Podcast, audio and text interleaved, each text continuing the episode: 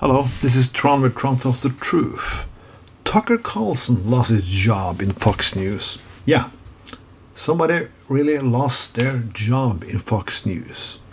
Somebody had to take responsibility, so why not Tucker Carlson? A lot of liberals having fun with that now and think like, oh, he's gone at last. But we all know he's not gone at all. He will be back for some other shitty news station. That somebody lies in politics and somebody not telling the full truth in the news is common. But nobody beats Fox News about lying, even when you know it's a lie.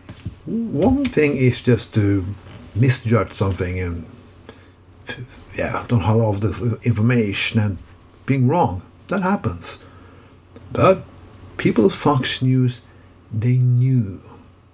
They knew the lie about the voting machine was real.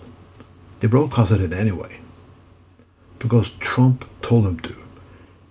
You should thought that a, a news channel should be independent because they always take talking about how liberals and the state nearly own CNN. But Fox News was controlled by Murdoch, who liked Trump and wanted to please Trump in every possible way. So they lied.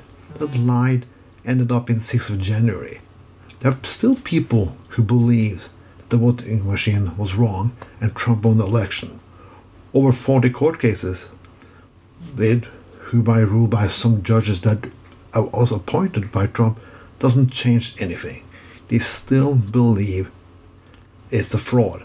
Even now that Fox News wanted a settlement of paying the people who prosecute them billions, they still don't believe it.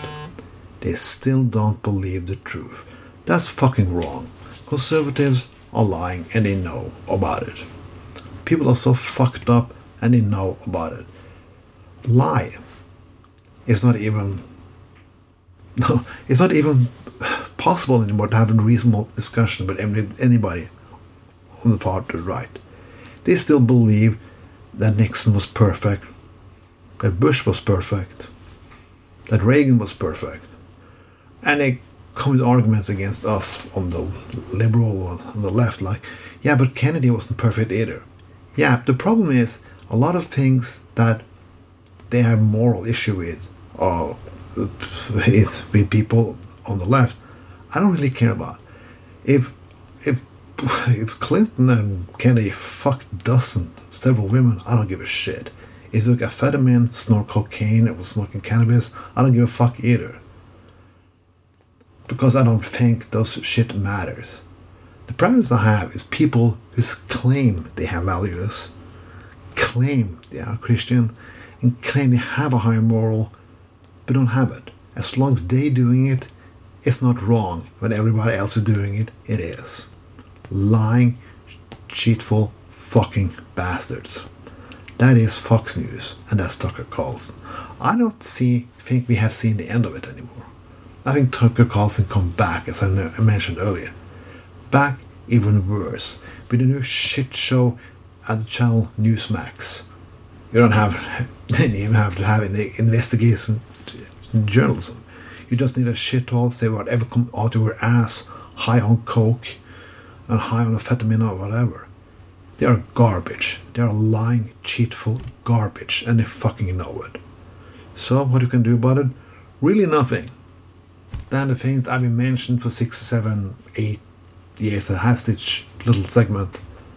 Go and fucking vote on every level there is. Local, on sheriff, on Congress, the president of anything. Just go fucking vote or do politics yourself.